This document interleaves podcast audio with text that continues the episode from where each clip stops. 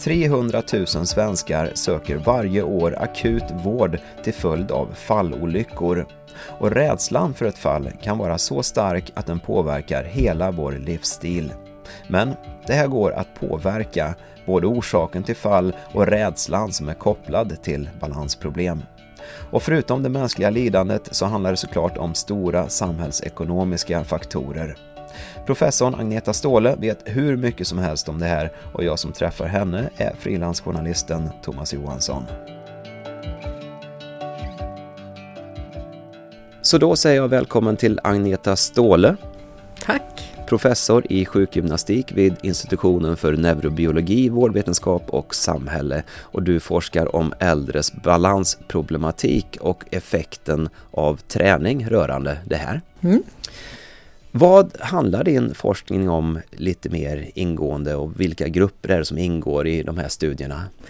Eh, forskningen handlar ju egentligen om fallprevention, det vill säga att till, till i slutändan förhindra ett fall. Eftersom ett fall för en äldre person kan ha väldigt ödesdigra konsekvenser. Vi vet ju att det är drygt 300 000 som råkar ut för en fallolycka per år i Sverige. Av dem så dör cirka 1600 det är alltså sex gånger fler än i trafiken. Så att det är ett problem, det är ett växande problem och det är ett stort problem för de som drabbas. Och oavsett om man hamnar i, om man råkar ut för en fallolycka eller inte så kan konsekvenserna av ett fall bli väldigt ödesdigert därför att det kan vara skillnaden mellan att klara sig själv hemma när man är äldre och vara tvungen att vara vårdberoende. Mm. Så att konsekvenserna av ett fall kan vara väldigt ödesdigra för den enskilde individen. Och det är som sagt ett växande problem med den växande äldre befolkningen vi har. Och att förebygga fall är för samhället väldigt kostnadseffektivt. Som det är en stor samhällskostnad i samband med det här. Så vad kan balansproblem leda till? Det kan leda till att man framförallt att man drar ner på sin fysiska aktivitet. Att man inte lika, lika vågar gå ut på samma sätt som man gjort tidigare. Det i sin tur leder till att man blir, tappar i kondition, man tappar i muskelstyrka och eh, så kommer man in i någon cirkel av det där att man blir mer och mer stillasittande, man blir mer och mer rädd och mindre och mindre fysiskt aktiv. Så det gäller någonstans att bryta den här cirkeln och då är träning att träna upp balansen men framförallt att träna upp sitt självförtroende, att jag klarar vissa svåra situationer kan vara väldigt, väldigt framgångsrikt. Mm. Berätta om de studierna som ni har bedrivit inom det här. Vi har gjort eh, flera studier, flera så kallade randomiserade kontrollerade studier där vi har haft en kontrollgrupp och en träningsgrupp. Och vi har vänt oss till äldre utan någon specifik, alltså de som tycker sig vara friska men inte har någon specifik sjukdom och eh, men balansproblem i en första omgång och sen i nästa omgång så har vi också vänt oss till de som kan, när man väl drabbas av ett fall kan det bli väldigt ödesdigert, det vill säga de med benskörhet. Så där har vi också genomfört ett antal studier med, mm. med det träningsprogram som vi då har, har så att säga arbetat fram och forskat på och utvärderat. Mm. Så hur har det gått till rent praktiskt och vad har ni kommit fram till? Det, vad vi har kommit fram till? Vi har kommit fram till att eh, om man är med i det här träningsprogrammet då så dess, för det första stärker man sitt självförtroende ganska väl, att man törs våga göra mer. Man blir mer fysiskt aktiv, man går snabbare, vilket kan vara en indikator på ens hälsa, att kunna gå tillräckligt fort. Det är ju viktigt att ha en viss gånghastighet för att hinna över ett övergångsställe till exempel, innan det blir röd gubbe igen. Och eh, sen har vi också sett att man förändrar sin livskvalitet positivt. Och eh, ja, man eh, verkar må bättre helt enkelt. Mm. Och eh, när man skattar sin livskvalitet högre så beror det, antar jag, då, på en, en helhetssituation som har förbättrats. Ja, precis. Det, det gäller egentligen hela människan, att man, man blir mer fysiskt aktiv. Man, man rör sig mer i, i, i samhället. Man, man, eh, ja, det, det, det tar hela människan så att säga. Vad är det som gör att man ramlar?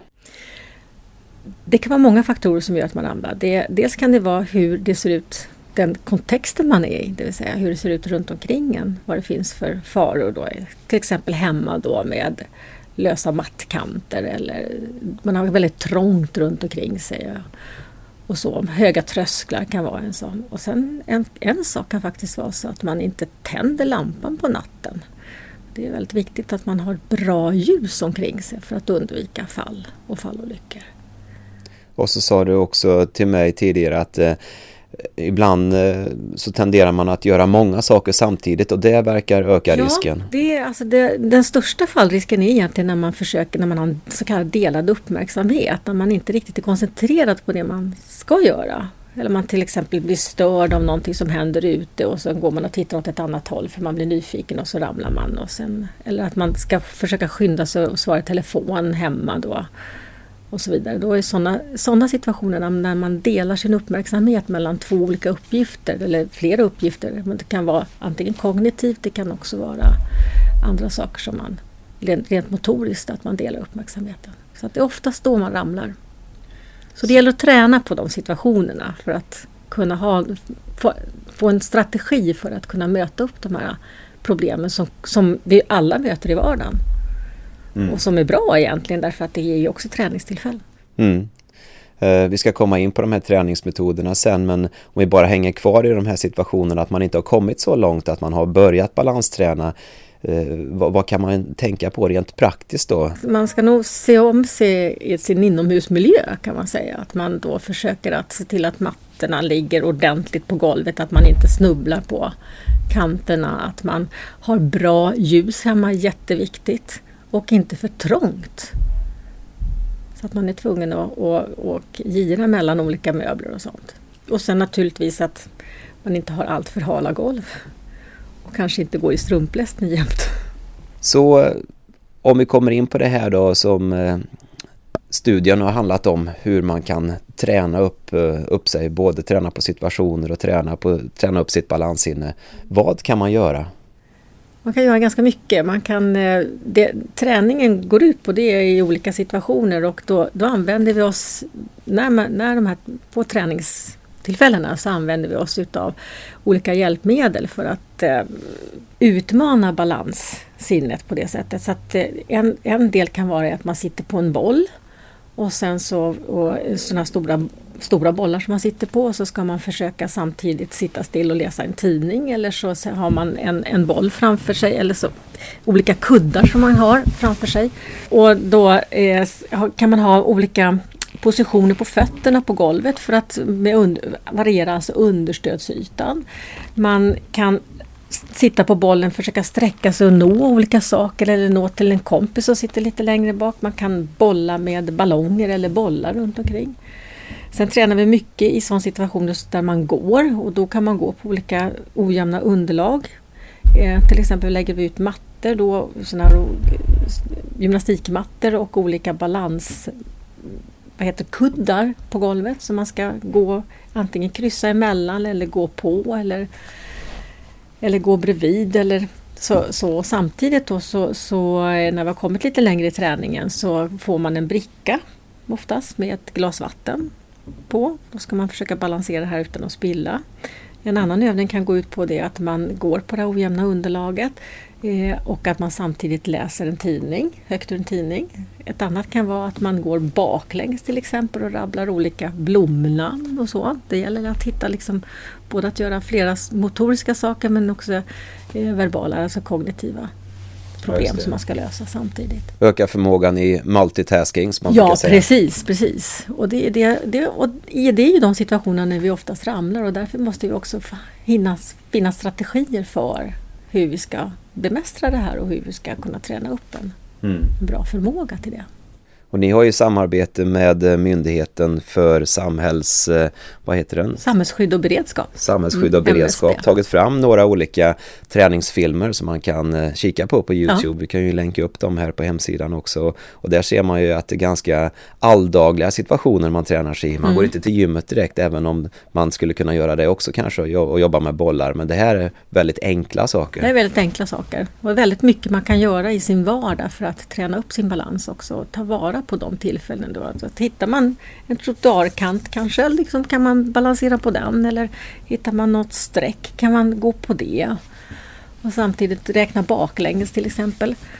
Dra, dra bort sju ifrån hundra och så fortsätta vidare ner. Mm. Det här sätt. låter ju som eh, ganska allmängiltiga grejer.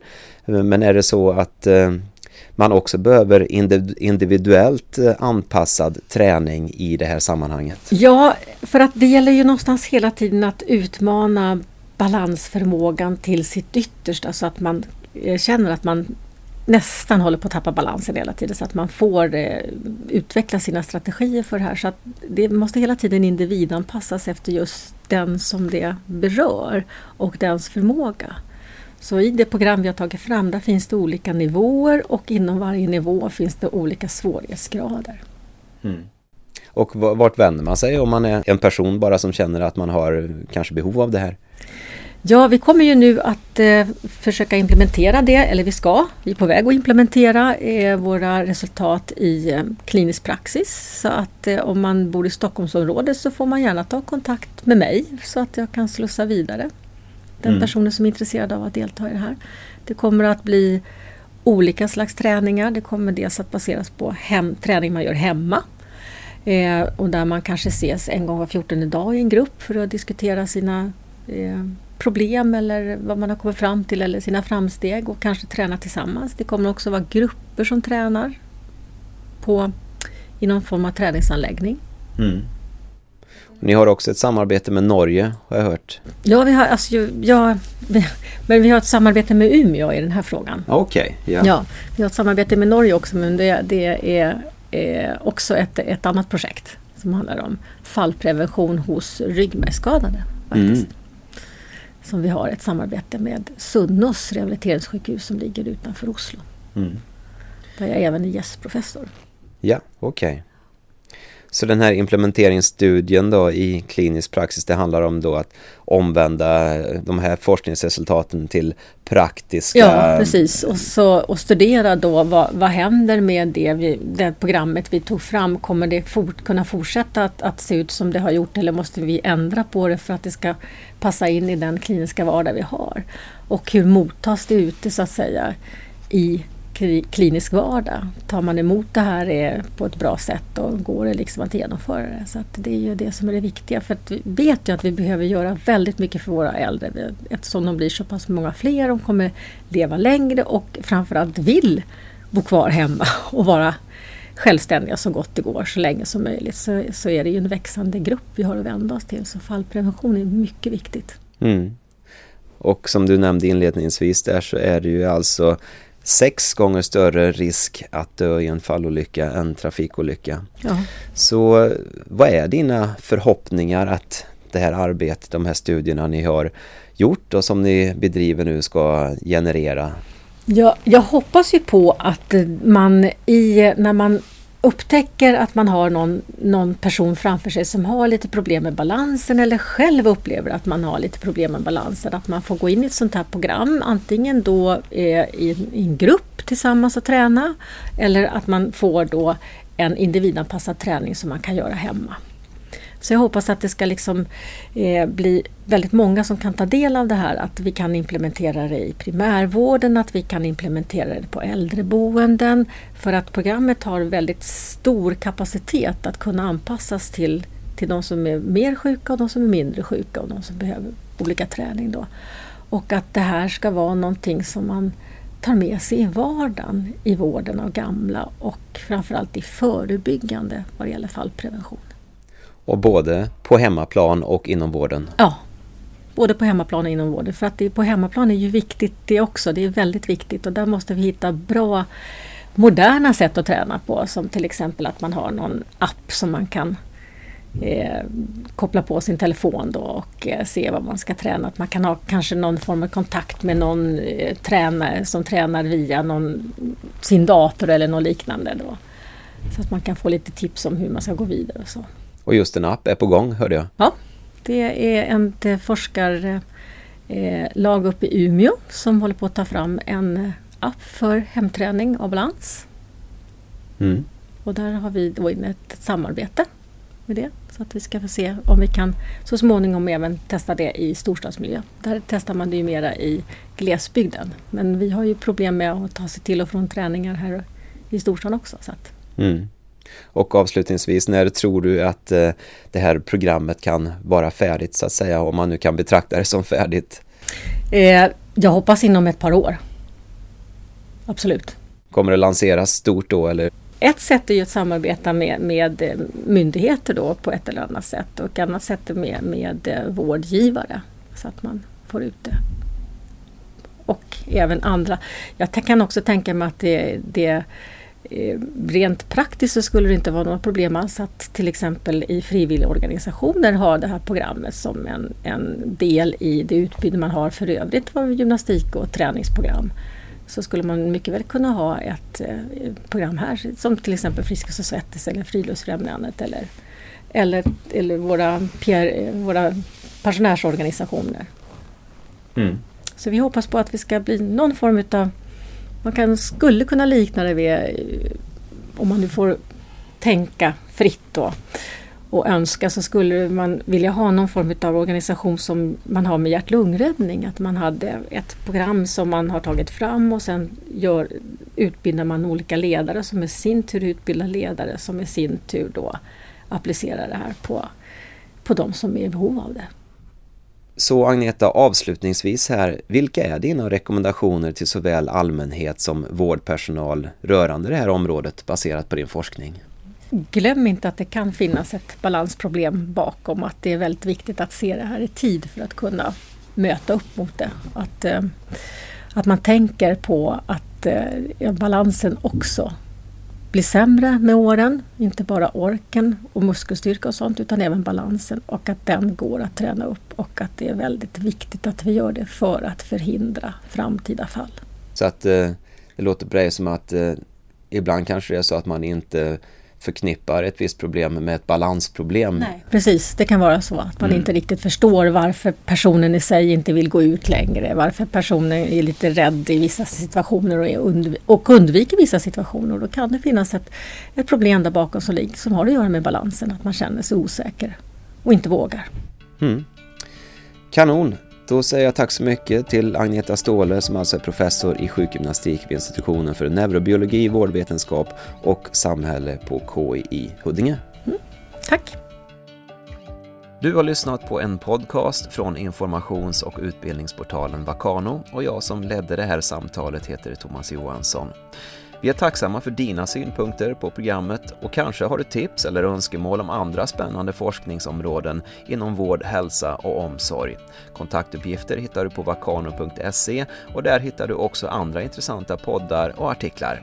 Välkommen dit!